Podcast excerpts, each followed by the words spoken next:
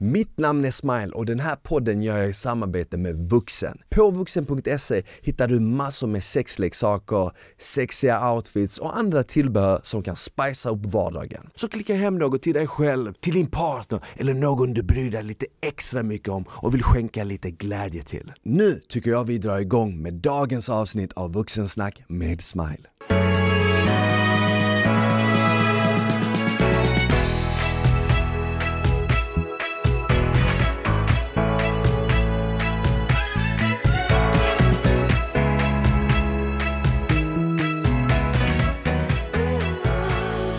Hej och välkomna tillbaka till ett nytt avsnitt av Vuxensnack med Smile. Hoppas det är bra med er. Det är underbart väder. Jag har faktiskt tagit mig till poddstudion idag eh, med en skön promenad första gången. Nu får man passa på när det är härligt väder. Och jag tänkte det är perfekt att gå och röra sig till podden idag med tanke på dagens gäst. Idag med oss i studion har vi journalisten, löpcoachen, influencern Petra Monström. Välkommen! Tack så jättemycket för att jag fick komma. Kul att ha dig här ju. Ja. Hur, hur, hur mår du? Är det bra? Ja men det är bra. Jag har eh, poddat faktiskt eh, i en annan podd på morgonen som Ja. jag har själv. Mycket poddar nu eller? Ja, det är mycket poddar, men jag gillar ju det. Så att eh, det är bra, solen skiner, jag fick en bra promenad när jag gick på Bondegatan, insåg att den var längre än vad jag trodde. Den är lång Så, ja. Det är ju det man tänker inte på det, men många gator här på Södermalm är otroligt långa. Jag bor på Hornsgatan och det är så här för folk som inte vet så kommer de till Hornsgatan och så bara okej men det tar alltså 20 minuter från ena änden till den andra. Ja. Men det är skönt väder ju så man får Åh, ändå gud. passa på att röra på sig känner jag. ja, men alltså verkligen. Så skönt. Och du har ju en egen podd också, var det Mm. den du poddade med innan idag? Nej, det var en podd som jag gör åt ett annat företag.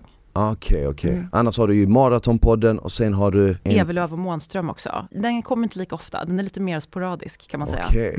Maratonpodden förstår man ju redan vad det handlar om, Ja. löpning, Mm. eller hur? Den andra podden, vad handlar den om? Ja, men det är också löpning. Man kan säga, eller maratonpodden är mer ehm, eh, konditionsträning har jag utvidgat det till nu då. Okej. Och Evelöv och Månström är bara löpning. Det är jag och Malin Evelöv som är en före detta elitlöpare som leder Mm. den. Så det är verkligen så här löparnörderi. Ja, så det är mycket löpning om dagarna alltså? Ja, alltså det blir ju det i och med, nu springer ju inte jag varje dag som Nej. många kanske tror, men det blir väldigt mycket löpning i och med att jag har mina digitala plattformar som handlar om löpning. Mm. Så absolut. Hur ofta springer du ungefär? Alltså just nu, det har varit lite olika genom åren. Just nu springer jag max tre gånger i veckan. Men tidigare så har jag sprungit varje dag och 57 gånger i veckan. Men nu eh, tre max. Är det någon speciell anledning eller är det bara mycket jobb så det blir mindre löpning? Ja men dels är det mycket jobb men också att jag märkte att min kropp inte riktigt svarade när jag liksom, la på mer träning. Jag blev väldigt sliten. Mm. och har börjat eh, laborera lite med upplägg. För att det blir mycket så här att det finns typ ett upplägg som alla löpare följer. Men jag tänker så här, men varför måste alla göra det? Det kan ju vara så att jag kanske inte ska göra det. Så jag har testat lite nytt upplägg nu då. Mm. Så att jag, istället för att ta den där lugna rundan så promenerar jag Okej. ibland. Så här. Ja. Som typ, eh, istället för den vanliga rehabrundan så går du istället? ja, eller Okej. cyklar. Men det som är intressant, jag hörde det i en intervju, jag tror det var, kan det vara TV4 Nyhetsmorgon kanske eller någon, Mm. någon podd eller något. Du kom igång med löpning relativt sent ändå. Du Ja, var 33 när du började med det. Mm. Hur, hur kommer det sig? Då kan jag bara berätta lite kort då bakgrund. Eh, tidigare då, när jag var yngre och gick i skolan så skulle vi springa mm, en hel del då och jag var ju verkligen sämst. Alltså sämst av alla. Jag tror alla har någon så här mm, slinga på typ så här två kilometer som man skulle springa i skolan på tid och så får man betyg efter hur fort man sprang. I alla Mm. fall om man kanske är lite äldre som jag är då. Och jag kom som sagt alltid sist på den här rundan och ja, men jag var verkligen, jag hade ingen naturlig talang för löpning. Jag var mm, inte bra. Så att jag lärde mig att hata löpning. Men skruva fram tiden till då 2009 eh, och då jobbade jag på Svenska Dagbladet Mm. en tidning. Och då behövde de någon som, eller så här, bloggar var ju the shit. Ja. Liksom. Och Facebook hade precis kommit, Instagram fanns inte. Så Nej. bloggar var jättehett. Och då behövde de någon som skulle blogga om eh, sin träning inför Stockholm Marathon. Okej. För Svenska Dagbladet var ju då sponsor. Och då är det ingen som ville. konstigt nog. Alla bara tittar bort. Exakt, men jag kände så här, det var någonting i mig som eh, så här, men nu kanske du har chansen att ta revansch. Så här, Ah, på okej. liksom hur det var förr. Så jag sa ja, Okej. på den vägen är det. Fastän du inte sprang just där och då, tränade du något annat? Ja, jag har alltid tränat. Styrketräning eller? Ja, men precis. Då var jag in, jag är så här, förr var jag det mycket, allt eller inget person. Så jag Okej. körde gympa på Friskis och Svettis varje dag. Alltså jag kör ju så varje dag. Styrketräning har jag också gjort, då körde jag det varje dag. Och så gjorde jag, jag var inne i den perioden, så då var det liksom ett och samma pass varje dag. Oj. Så jag tränar absolut. Jag har simmat också när jag var yngre. Okej, så du hade ändå liksom en bra grundfysik? Ja, Du hade jag. liksom grunderna, men inte att du hade, du hade inte jobbat på konditionen direkt? Nej, jag skulle säga att jag nog bröt ner mig själv väldigt mycket i och med det upplägget jag hade då. Ja. Mm. Så vadå, du startade igång den här bloggen i syfte med att eh, skriva om liksom din resa till Stockholm Marathon på grund av att eh, Dagbladet var sponsor för Mm. maraton. Mm. Eh, gjorde du löpningen, alltså sprang du maraton, Stockholm Mm. Marathon? Du Ja, gjorde. Hur gick det? det gick bra. Och, och det här är också en kul historia som kanske mm, någon tycker är rolig att höra på. Ehm, för jag, när jag startade min blogg då så hade jag ju ingen aning om hur jag skulle träna. Mm. Jag googlade och googlade och, och hittade någonting. Famlade lite grann sådär i mörker. Men så bara plötsligt så, för jag bodde i Uppsala då, så stötte jag ihop med en, eh, en man, det här låter jätteskumt, i skogen. Han sprang med en löpargrupp. Han var ja, men lite äldre och han sa så här, men du springer alldeles för fort för din kapacitet. Jag tycker du ska ta ner tempot, så här, sa han till mig. Han, vi möttes liksom i skogen. Och några dagar senare så möter jag honom på gymmet där jag tränade, för då skulle jag springa på löpband. Mm. Och då så kände jag igen honom, så jag gick fram till honom och började prata. Eh, Jag bara, och, hej vi träffades i skogen häromdagen. ja, har du sett Karate Kid? Wax on, wax Ja off. exakt. Det var lite så, ehm, för han då fick ju då redan fråga mig varför, för jag frågade någonting om löpträning, han Mm. bara varför undrar du det här? Ja men jag ska springa Stockholm Marathon om ett halvår, han bara okej, ja, och, så då han sa ja men kom till det här stället imorgon klockan, ja när det var. Ja, ja. Och så ehm, lärde han mig att springa helt enkelt. Fan vad kul. Alltså det var, ja, och han är så himla cool. Han är ju över 70 nu och springer fortfarande. Och du vet hans rörelsemönster. Han rör sig som en ninja liksom. Oj. Fast han är ändå rätt gammal nu. Vilken story, det är nästan som Mm. att det är liksom ödet, att du bara snubblar över någon som liksom har eh, ja, men den kunskapen och erfarenheten och som också Mm. vill hjälpa liksom. Nu när du säger det så är det faktiskt, ja det stämmer. Det kanske var ödet som grepp in där och ville Ja. hjälpa mig lite. Ja. Men okej, så du springer det här maraton, och var det under den här resan, för jag antar att då 2009 var löpning inte lika hype som det är idag. För du, du säger själv att ja, jag var tvungen att liksom researcha om löpning. Och jag, jag vet, man vet ju av egen erfarenhet att nu har ju liksom Youtube blivit så jävla stort så nu kan du bara liksom skriva, ja men häromdagen köpte jag nya löparskor, då skrev jag bara så här, ah, best running shoes. Och då kom det upp typ så här 250 videos. Det Ja. fanns ju inte för liksom 10 år sedan. Kände du att eh, det inte var lika hype, lika stort på den tiden? Jag tror att, man brukar prata om någon så löparvåg, eh, som någon var så på 80-talet. Och jag tror att 2009 när jag började, så då var det precis i starten av eh, nästa våg. Så absolut, det var inte alls som det är idag. Ehm, men jag tror det hänger också mycket ihop med att det inte fanns några kanaler. Riktigt. Det var ju bara någon tidning. Så här, och, ja. Men jag tror ändå att det var lite ökat intresse och loppen började få fler och fler deltagare. Men absolut inte i närheten som det är idag. Nej. Nej. nej. Men det var under den här resan och bloggen som du liksom fattade tycke för det? Var, det? var det liksom att du började springa regelbundet efter det? Ja, men då var jag rätt hooked kan man säga. Som sagt, jag är ju en allt eller inget person, så att när jag hade hållit på med löpning i ett halvår, då var jag väldigt, eh, som, jag tyckte det var Mm. alltså verkligen så kul.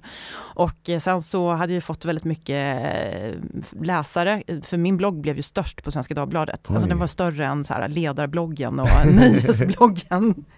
så att folk började höra av sig och så här, men du måste fortsätta Mm. och blogga och springa då. Så att då gjorde jag det. Men det är kul, du säger du är allt eller inget person, men de andra grejerna la du av med. Vad var det, som, vad var det med löpningen som fick dig att fortsätta liksom tio år senare så? Ja, men det, dels, alltså det här, ja, dels är det nog att det blev ett jobb. Ja. Och jag tror att det hänger ihop, för jobbet motiverade mig att fortsätta springa. Mm. Jag kanske inte hade fortsatt om jag inte hade haft det som jobb. Nej, det Men blev löp- mer en ja. livsstil. Ja, men det, och sen jag lärde ju känna mycket människor genom löpningen och jag tycker att den typen av gemenskap som jag fick hade inte jag tidigare. När man gick på de där Friskis och svettis-passen. Det var ju inte så att man snackade med folk. Men nu har jag ju liksom fått vänner för livet som jag springer med Ja. hela tiden. Och, ja. Det är rätt viktigt också, nej, nej, det kan jag tycka ibland saknas, för jag styrketränar, det kan jag tycka ibland saknas för att man kommer dit och tränar man själv, då är man liksom för sig själv och visst, det Mm. kan vara nice, men ibland så vill man ha den här gemenskapen, man vill liksom pusha varandra, hjälpa varandra och så vidare och det, det får man ju till exempel genom löpning, det får man genom lagsport och så vidare. Så Mm. man kan ju ändå förstå varför man fastnar för något sånt, för det finns en viss community kring det. Men är det inte så i styrketräning? Alltså? Jag trodde det. Att Jo, det, det det- känns som att det är så här gru- grupper som står och hänger. Jo, men vet vad? Nej. Det är i så fall mer på lite så här privatägda gym. Ah, På okej. de större Ja. kedjorna är det inte riktigt så, ja, men typ på Sats som har, vad är det, jag vet inte, 150 gym runt om i landet. Mm. Det är inte lika personligt. Så där är man liksom bara typ ett nummer, en medlem liksom. Men eh, visst, jag har ju tränat på gym som är så här, ja men eh, det finns ett gym här på Söder som heter Pro Gym som jag på ibland. Och, Mm. och det är liksom det enda gymmet av sitt slag här i söder och då blir det lite mer sån här feeling att ah, men man stannar upp, man snackar lite och så vidare. Och, och där är det ju samma feeling kan jag tänka mig. Eller Crossfit, det är ju också en sån community till exempel. Ja men verkligen. Mm. Där i, ja, min fördom säger ju att man är väldigt tajt i crossfit-boxen. Men det, jag kanske har helt fel. Men hur, eh, hur, när du springer, har du eh, ett löpschema som du följer eller springer du lite mer på feeling? Du sa ju att du springer ungefär tre gånger i veckan nu. Mm. Men eh, tidigare då? Har det, har det varit liksom så här den här tiden, varje dag springer jag liksom? Ja men precis, jag har ju haft jag har väldigt mycket perioder och jag, egentligen tycker inte jag att något är rätt eller fel men vissa upplägg passar bättre under vissa perioder i livet och jag har verkligen varit den där personen som har följt ett träningsprogram. Så sent som förra året så fick, alltså, gjorde ju eh, tester och så här, fick ett väldigt skräddarsytt program. Men nu har jag känt att ehm, ja, men jag, jag har bestämt mig, jag ska ha tre pass i veckan och eh, de får verkligen dagsformen bestämma om jag springer fortare eller om jag bara går ut och kör så superlugnt. Ehm, har inget mål mer än att jag, jag älskar känslan efter ett pass. Mm. Ehm, så det är verkligen, jag försöker att, men jag är en sån prestationsmänniska. Så jag har märkt att när jag försöker prestera i löpningen så går jag lite grann sönder i huvudet också. Inte bara kroppen utan även huvudet går sönder. Ja. Så att det här funkar jättebra för mig just nu. Men det har verkligen sett olika ut under åren. Ja, så det är lite mer liksom var man är i livet just där och då. Ja. Men när du, när du sprang som mest, hur mycket snittade du då ungefär i veckan? Mm, ja, men jag har nog varit uppe på så här 70-80 kilometer och då ska man komma Mm. ihåg att jag springer inte speciellt fort om man jämför med elitlöpare. Nej. Så att eh, i timmar så tränade jag ju säkert eh, ja, mycket, alltså mycket, tio timmar. Mm, typ så en och en halv timme om dagen Ja. ungefär blir det. Ja. Och så långpass på helgen alltid då, som Ja. kanske var två, tre timmar.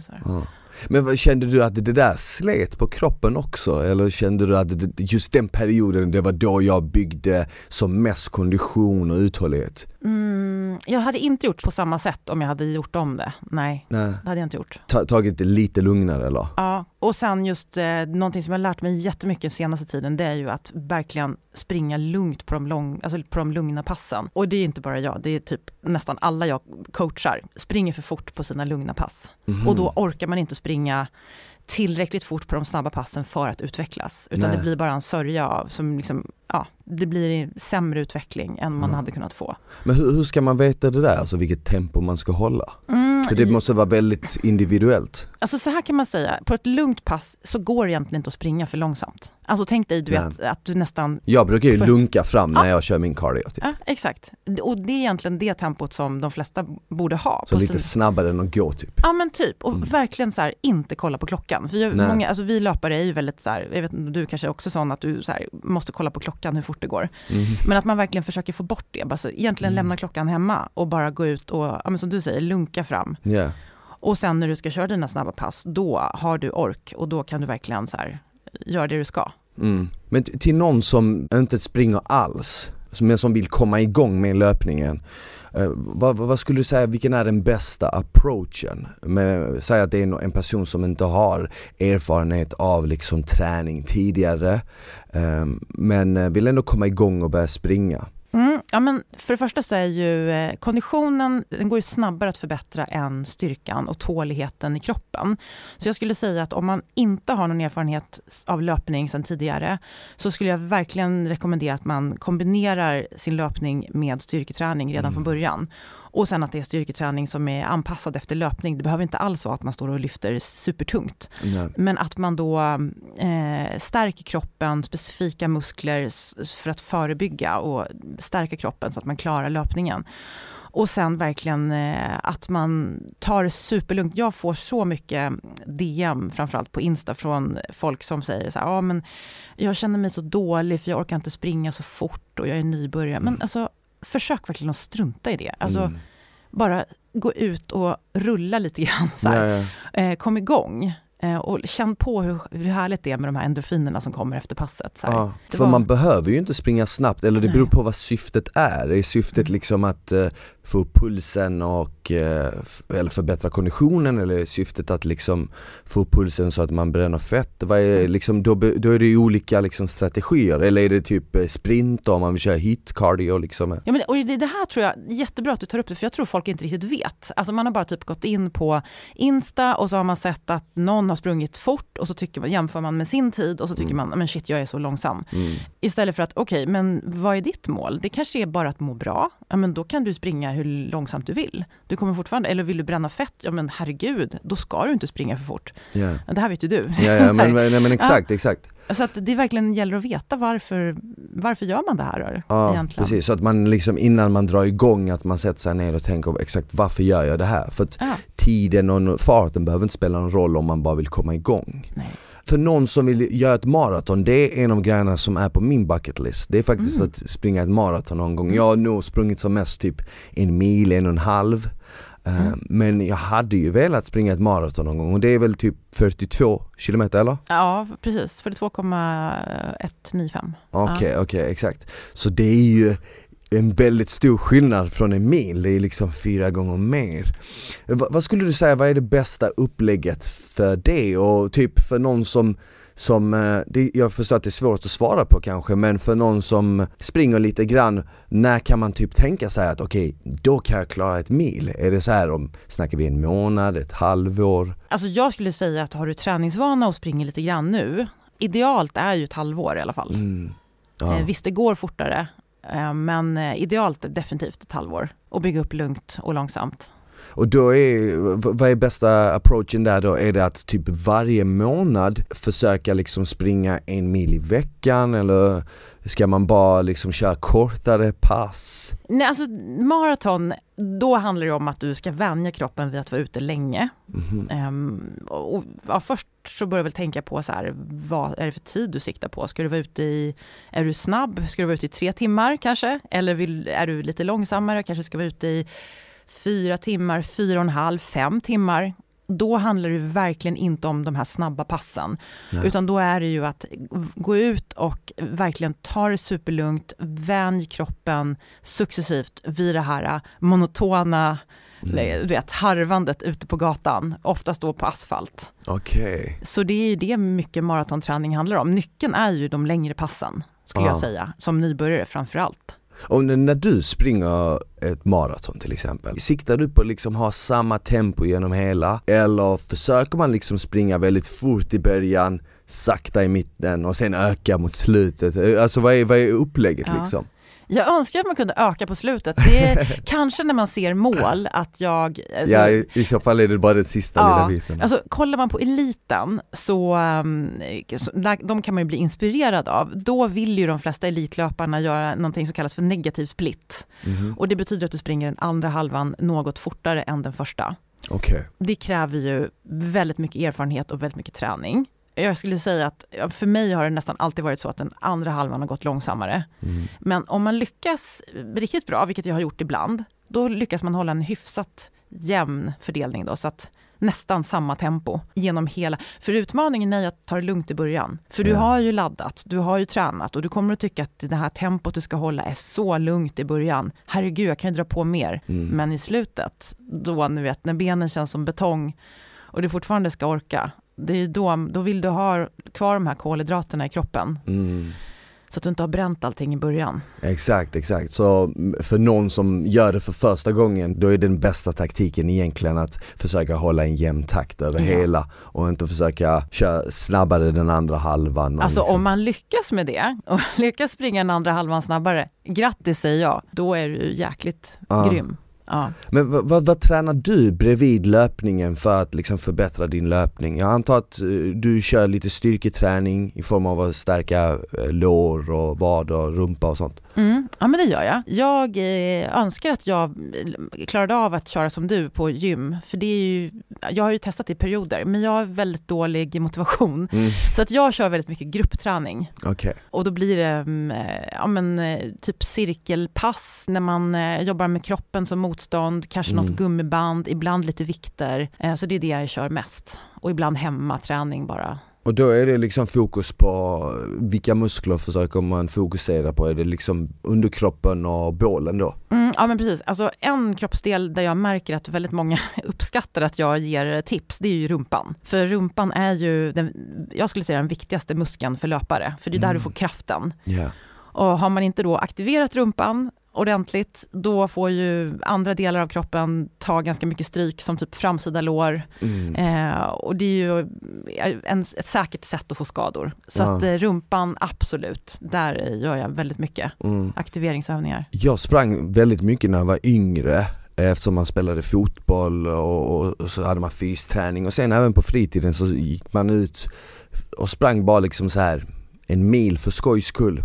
För jag älskade att springa men sen kom jag ihåg så fort jag drog igång med styrketräningen och eh, började träna styrketräning då blev jag lite klumpigare och lite segare.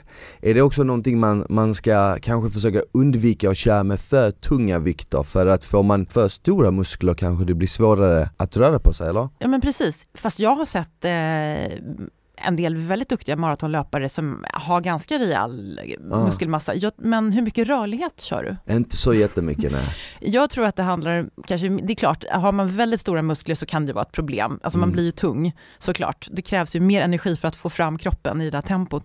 Men rörlighet är ju någonting som inte bara, alltså det, det är ju verkligen bra och det Mm. missar många. För, när, för när man kollar till exempel, varje gång jag kollar så här på olympiska spelen och sånt, när man ser maratonlöpare så är det ju, och jämför dem med så här de som springer eh, 5000 och de som springer 200 och de som springer 100 så är det precis som att för varje steg så blir eh, idrottarna större. Absolut, ja, men de är ju explosiva. Alltså Ja. Bolt och de här, de är ju liksom superexplosiva. Ja. Helt annan, eh, andra Andra energisystem. muskelfibrer. Ja, ja, ja, exakt. Och maratonlöparna, de ska ju helst vara rätt Mm. små. Exakt, men, men när, när, när det kommer till teknik och själva så här löpsteg eh, och något sånt, är det saker man behöver foka på eller är det någonting som utvecklas naturligt av sig själv under tiden man springer? Alltså frågar du en elitlöpare så säger de flesta, "Ja, men herregud, det är bara att gå ut och springa. Alltså, Ja. Men det handlar ju ofta om att elitlöpare har en naturlig talang för löpning, de har ett väldigt bra löpsteg i grunden, de har inte jobbat så mycket med det. Men jag skulle säga att eh, motionärer som mig till exempel tjänar jättemycket på att träna lite teknik. Men det behöver inte vara så att du håller på flera timmar i veckan med det här. Nej. Men att du lägger in teknikövningar för att eh, liksom hjälpa kroppen lite grann Mm. så att du får ett bättre rörelsemönster så att du förebygger skador. För tyvärr så är ju löpning väldigt skadedrabbad sport. Ja, för att man ser ju det, alltså när man själv är ute på någon PV-runda och sånt så ser man ju alltid folk springa och det som är så kul med löpning det är att alla springer ju på sitt sätt liksom. Eller hur? Visst Alla är det har kul någon- att kolla in dem? Ja men alla har någon, vissa rör eh, överkroppen jättemycket, andra rör ingenting med armarna liksom. Och så Ja. som jag har förstått det så ska man jobba med armarna för där får du också mycket momentum och Ja. mycket kraft ifrån. Ja, men jag vet precis vad du menar. Jag har också sett löpare som knappt rör armarna och Mm. så tänker man så här, men gud, vet ni om hur mycket ni har, skulle vinna på att röra lite på armarna? För det är verkligen så. Och vissa har kortare steg och vissa har längre steg. Mm. Är det någonting som, ska man, ska man alltid försöka ta ett långt steg eller ska man liksom köra sådana här små korta steg? Ehm, ja, men inte försöka ta långa steg, för det är väldigt stor risk för knäskador till exempel. Mm. Eh, så att jag skulle säga, försök korta ner steget och istället öka frekvensen lite grann. Alltså man behöver inte överdriva så det går liksom du, du, du, så, men att du inte tänker att du ska ta, för jag vet precis vad du menar, det är många som tänker att ja men ta lite större steg här, då Så kommer jag fram. jag, så tänker jag då jag kommer jag springer. fram snabbare. Ja. Eh, Men det är ju tyvärr inte så, så jättebra, för det Ah, okej. kan ju göra att du översträcker knäna till Ah, exempel. okej. Jag tänker ju typ så här, om jag tar längre steg då är jag tekniskt sett längre i luften Mm. genom hela löprundan Så det betyder att det kommer vara mindre fysisk påfrestning Ja. Så tänker jag, men men, men, det kanske inte Nej, men alltså, grejen är så här, du, du är helt rätt ute. För kollar du på en riktigt duktig elitlöpare, vi tar en supersnabb kenyan, mm. så har de ett väldigt långt steg. Ja det känns som de typ hänger i luften Ja, men det de också är, det är att de har väldigt hög frekvens. Ja. Men det är för att de, de är ju optimerade i rörlighet och i, liksom hela biomekaniken är ju helt optimerad för löpning. Och det Mm. har ju inte tyvärr då kanske alla av oss motionärer. Nej. Så korta ner steget kan vara bra Ja. för en motionär. Ja. Om, om vi snackar om skor och eh, du touchade lite på det här med skador. Man hör ju oftast att man ska välja ett par bra skor som ser till så att du inte skadar dig eller belastar knät för mycket och jag berättar ju att jag köpte ett par, eh, jag köpte ett par Hoka One Mm. One och Mm. jag gjorde så här lite research på nätet, jag googlade, ja best shoes to buy, men jag, jag ville inte bara ha ett par skor som var bra för löpning, för jag springer ju faktiskt inte så mycket, men jag går ut och går mycket och eh, går allmänt mycket om dagarna. Men eh, när du ska köpa skor, vad, vad Mm. kollar du efter då? De, de där som du har på dig nu, de är ju helt fantastiska. Alltså det är typ de skönaste skorna Ja. jag har haft. Nu har jag inte haft lika många Mm. som du till exempel eller som andra så här löpare Men av de skorna som jag har haft så är dessa de skönaste alltså Är det Hoka Bondi? Bondi Ja, ja. jag har exakt den. Det var faktiskt nära att jag tog på mig dem idag, för jag Mm. använder dem också som, som typ promenadskor. Vardagsskor. Ja, vardagsskor. För de är snygga tycker Känns jag. som typ moln, exakt Ja, det är snygga och sjukt sköna att gå i. mm. Eh, så att jag, jag går jättemycket på komfort, alltså hur skon känns. Och jag, är också, jag gillar ju kolfiberplatta i skon. Har du testat att springa nej, med sådana? nej men jag, jag kollade när jag gjorde den här researchen så såg jag att Hoka hade en modell som heter Carbon kanske? Ja, Carbon X. Carbon X och Ja. den hade en sån här platta i sylan och jag bara wow Alltså den ska du testa. Men den, den plattan den funkar nästan som att den, den skjuter fram dig lite i Ja. klivet, eller hur? Ja. Den hjälper dig, eller ger dig lite momentum typ Alltså den hjälper, jag tycker man, alltså, jag, jag blir kanske 10-15 sekunder per kilometer snabbare mm. med de skorna på. Och det är ju ändå mycket, speciellt i säg, tävlingssammanhang Ja, något. gud. Och framförallt också så här, jag känner, jag vill ha skor som gör att det blir kul att springa. Alltså när jag Ah. ser den där skon så ska den bara, jag vill ut och springa. mm. Så att jag kollar jättemycket på hur kul, hur kul är skon att springa i, hur rolig är den att ta på sig, är den snygg? Alltså Ja. det ska man faktiskt inte eh, se, jag- många tycker att det inte spelar någon roll, men jag tycker det spelar roll att skon är snygg. jag, jag tycker också det spelar väldigt mycket roll för att jag tycker oftast att löpskor inte är så supersnygga. Jag Nu på sistone känns det Alltså som att de stora märkena har börjat tänka lite mer så här i banorna av, ja men typ lite fashion och vad, vad, vad passar och så vidare och så vidare. Men eh, en sak som jag märker med dessa är att de är otroligt mjuka, de har mycket så här cushioning. Ja, Och det finns, det känns nästan som det finns två läger, eller så uppfattade jag det. De Mm. som tycker, rekommenderar att du ska ha väldigt mycket, vad kallar man Dämpning. det? Dämpning. Mm. Och Mm. de som säger att du inte ska ha dämpning. Det finns ju folk som säger att det bästa du kan göra det är att springa barfota typ. Ja, fast barfotavågen är väl lite för... Ja, men jag vet vad du menar. Ja. Och det var ju väldigt mycket hype för ett tag sedan att man skulle ha barfota. Och jag såg folk runt Kungsholmen där jag bor som sprang med barfotaskor på Exakt. asfalt och man bara, ah, det där kan... Alltså, eh, när man levde på stenåldern och vi gick väldigt mycket barfota, då kan jag Ja. tänka mig att det var jättebra med barfotaskor. Men nu så, vi går ju omkring i, eh, i skor på dagarna, så att den moderna människan tycker inte jag är skapt för barfotaskor. Vi har helt enkelt blivit svagare. Exakt, Ja. Alltså fot, vi tränar ju inte musklerna i fötterna speciellt Nej. mycket, fast vi borde göra det, men vi gör ju inte det. Så att, nej, jag, jag tror inte på barfotaskorna. Nej, men brukar du sikta på skor som har väldigt mycket dämpning eller ska, ska man liksom fokusera på några som har lite mindre? För att det, de här är ju till exempel otroligt sköna men jag känner ju att jag kanske hade fått ett bättre grepp med ett par med lite mindre dämpning. Ja, alltså om man kan, om man har ekonomin och så, så tycker jag absolut man kan variera så att man har lite olika skor hemma. Så du, till exempel de där då som du har som är väldigt dämpade, sen kanske du har några som är lite mindre dämpade. Du kanske har någon med kolfiberplatta, nu börjar det bli kanske lite dyrt. Mm. um, men eh, det, det tycker jag, och sen om man leker med lite dropp också i skon, ja. alltså olika nivåskillnad mellan Precis. två häl. Du kan ju gå från 0 upp till kanske 12-13 ja. millimeter.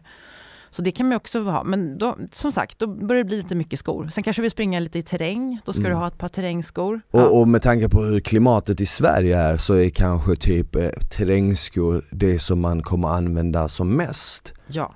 Så det här eh, är egentligen det här med att springa barfota, det är egentligen det var bara en trendvåg. Det var ingen så här forskning bakom det. För jag tyckte jo. också att det var lite så här. Alltså jag kan inte säga om det inte finns forskning, men däremot skulle jag säga så här, man kan absolut springa barfota, men då ska man kanske göra typ så här, du vet max 4, 200 meter mm. Eh, på gräs eller någonting. Nej, precis. Men om det finns forskning eller inte, det, det vet du fasen. Uh. Hur ser, det, hur ser din kost ut? Eh, jag antar att du tänker på vad du käkar och, och främst innan du ska till exempel ut på ett maraton.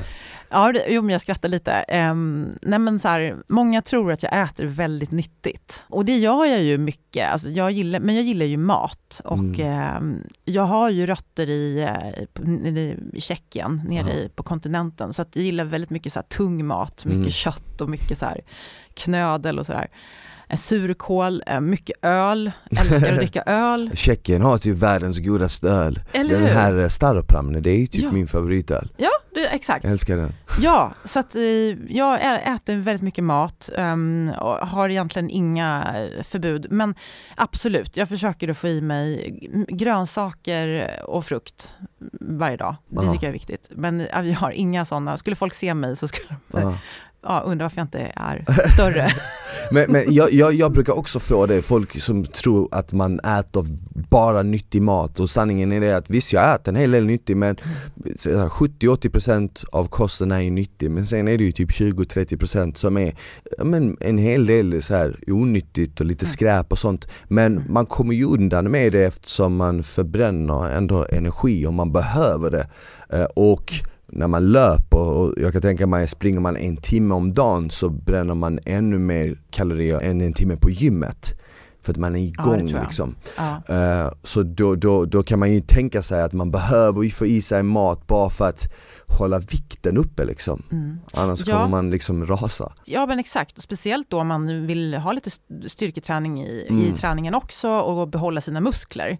Jag känner ju att det är superviktigt för mig att jag får i mig mm Eh, rejält med mat. Annars ser jag direkt att jag, jag tappar vikt liksom, ja. och tappar muskler och det är inte kul. Men innan du ska iväg och springa ett maraton, brukar du ladda upp på ett speciellt sätt med, med kosten? Ja men precis. Förut så, alltså gud jag har laborerat så mycket. I början, mitt första maraton, då minns jag, alltså herregud, då drack jag någon sån här uppladdningsdryck som du vet hade sån konsistens som tapetklister. Ja. Så var, typ som någon gel-liknande eller? Ja men typ, den blev nästan som en gel men den gick fortfarande att dricka. Men det var ja. då en slags, den skulle liksom lagra in mer kolhydrater i kroppen. Okay.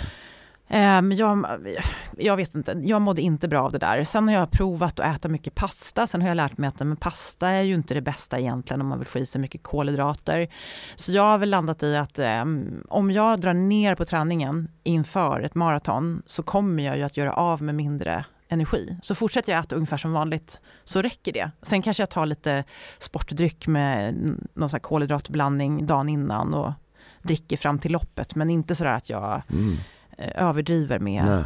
Så typ, är det är typ en eller två veckor innan själva loppet så drar du ner lite på träningen men fortsätter mm. äta samma mängd? Mm. Och jag antar att det är för att eh, man vill fylla på glykolnivåerna i kroppen mm. av kolhydrater.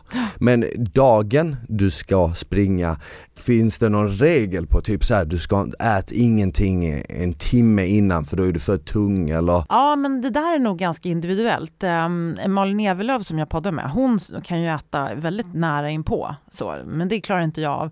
Utan ja, men, någonstans två timmar mm. ungefär. Uh, mm. Och sen kanske bara lite sportdryck och så sluta dricka vätska en timme innan ungefär. För mig alltså. Sen ja. är ju folk väldigt yeah. olika. Och det beror också på vilken årstid går det här loppet då. Mm. Är det mitt i sommaren sommaren eller är det vinter? Mm.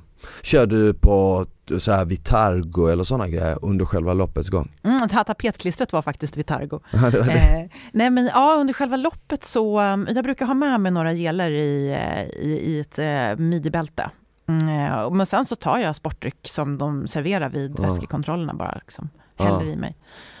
Vad är ditt personliga rekord på maraton? Jag tror jag har sprungit på 3 och 50. Det är jävligt bra. Jag är jättenöjd med den tiden. Ja. Sen kanske inte mm, andra tycker det är något speciellt bra så, men för mig så känns jag är jättenöjd med den tiden. Mm. Men nu under corona och sånt så har det varit helt alltså, paus med alla sådana typer av lopp, eller hur? Ja, i alla fall för motionärer. Sen har Ja. väl eliten har väl kunnat köra någonting Ja. sådär, men ja. Man får köra sådana virtuella då. Jag tycker faktiskt det är ganska skönt att slippa lopp om jag får Är vara helt så? ärlig. Ja, Vad är det för att det har blivit, för, du har gjort det så mycket eller? Men, jag, ja, men kanske lite det. Men sen att jag lätt får prestationsångest. Så. Mm. Och, så jag tycker det är ganska skönt att jag inte behöver känna mig tvungen att springa lopp utan jag bara kan så här, chilla och springa Ja, själv. Men jag ja, kanske jag ändrar mig när loppen kommer igång. Jag vet inte. Ja. Jag har ju aldrig sprungit ett lopp så jag är så här skittaggad. Jag, Ja, jag, vill, det. jag vill ju testa det för att jag, jag känner bara att det är någonting man måste göra. Men jag hade Mm. nog inte brytt mig så mycket om själva tiden, jag hade bara brytt mig att komma i mål. Ja, vilket lopp ska du springa då? Jag, jag hade velat springa typ Stockholms maraton Mm. Eftersom man bor liksom i stan så hade det varit kul Någonting som hade varit schysst det är ju springa någonstans var det är väldigt fin natur Där man ser mycket Ja, alltså verkligen. När då man kan resa mer igen eh, så vill jag verkligen rekommendera att springa utomlands på Mm. resa. Alltså det coolaste loppet jag gjort, det är på Mauritius. Mauritius, det är ju en liten ö, ö, en Ja. ö i Indiska oceanen. Mm. Så du springer eh, bredvid sockerrörsfält, Ah. bredvid fantastiska stränder, vad nice. genom någon liten by där det är massa coola människor och så här, vet, vackra färger. Ja, det varit ett helt fantastiskt lopp. Men det Så- måste ha varit varmt eller? Nej, det var på deras då, det här var ju då i juli och det är ju deras vinter. Inte, okej Så att det var typ så här Det var ändå- 20-25 grader kanske. Rätt behagligt ändå man startar också ganska tidigt på morgonen. ja. Eh, när jag- när jag sprang eh, på Aruba så startade vi 04.30 och det var också ett väldigt häftigt ställe att springa på. Och det är av anledningen att sen blir det lite för varmt för att Ja. springa liksom Men du, Reggae Marathon på Jamaica, det tror jag du skulle gilla. Oj, De har även halvmaraton och milen. ja, Alltså, det låter nice alltså bara kolla på folks outfits när de springer. Du vet så här guldstrumpor, lite, du vet så här. Ja. Folk har ju så sjuka urflippade outfits. Alltså, Ändå coolt, jag har aldrig hört talas om det nej och så får du, när du kommer i mål så får du en, då står en kille med så ett svärd och typ och bara hu- hugger kokosnötter och så stoppar i ett sugrör och så får du Fan liksom. vad nice, Ja. riktigt gott ju Men vilket måste vara det kändaste, är det typ New York? Som är Ja det måste det vara. Eller hur? Ja absolut. Jag hade velat ehm, avsluta med, med lite så här mindset och motivation. Vad är det som har motiverat dig till att hålla igång hela tiden? Du var inne tidigare på att det blev lite av ett jobb och därför har det varit enkelt att hålla Mm. sig till det. Mm. Ja, det är ju inte riktigt hela sanningen. Alltså jag, jag mår ju fantastiskt bra av att springa och märker nu också när jag, jag har ju en son på, på fem år. Sen jag blev förälder så har jag märkt att ja, löpning är ju överlägset när det gäller tidseffektiv träning. Alltså du ger dig ut och sen börjar träningen när du är ute.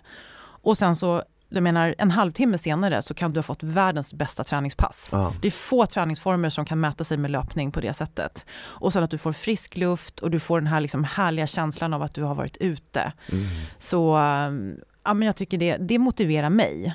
Men sen också kan det vara skor, alltså verkligen på riktigt bra skor, eller en bra låtlista. Mm. Eller att jag har en kompis jag ska springa med. Så jag har en kompis, vi kör nästan alltid långpass på helger. Jag glömmer bort att vi springer. För vi pratar om, du vet, Åh, vet du vad min sambo sa och han sa och de sa och det där, har du hört det där? Och sen plötsligt så är passet klart. Ja. Så att jag tror man måste ge sig själv lite sådana där grejer för att eh, hålla igång motivationen. Aha. Kanske ett lopp också, om man är, gillar det. Ja men det där, just det med skorna har jag aldrig tänkt på men jag kan, jag kan nästan tänka mig det lite för att jag kan ju själv känna när jag är på gymmet och jag har en ny gymoutfit då kan jag Mm. nästan känna, och det brukar jag ibland säga till eh, liksom folk som frågar mig "Ah, hur ska jag ha tappat motivationen till att styrketräna? Och då brukar Mm. jag säga, men vad fan, eh, antingen som det, det, det du var inne på med en låtlista Mm. eller liksom att man eh, tar på sig någon eh, fresh outfit, något som man känner sig liksom snygg eller stark i eller vad som helst. Ja. Har du en spellista på Spotify? Ja, men jag har en som heter Maraton Petra faktiskt. Och Ja. Men det är från eh, mina följare. Så jag liksom bad dem ge sina bästa låtar, så jag har samlat ihop alla Ah, i okej. en låtlista. Men, men det är ju låtar som jag gillar också. Så den kan man söka upp om man vill. Okej nice, jag ska faktiskt kolla in den. Jag brukar Ja. ju inte springa som sagt men jag brukar vara ute och gå, då lyssnar man alltid på någon, någon, någon skön lista men det är Mm. alltid härligt att bli li- lite inspirerad och höra andras låtar. Ja men, Men- verkligen. Hur ser ut framöver? Kommer du spri- fortsätta springa tre pass i, i veckan eller kommer du öka det? Vad känner du? Ja, men jag kommer nog att ligga någonstans där, eh, runt tre pass i veckan. Men sen har jag blivit lite sugen på att testa lite andra träningsformer. Jag har börjat spana på um, lite, kanske någon form av kampsport eller eh, ja, boxning. Mm. börjar bli lite sugen på. Ja. För jag blir så inspirerad av eh, de som håller på med sådana sporter. De känns så jäkla genomtränade och Bara, eh, bra kroppskontroll och sånt där. Så att, ehm, ja, kanske mixa med sånt. ja. Där kommer du nog ha en fördel med tanke på att i boxning och i kampsport är det jävligt mycket kondition.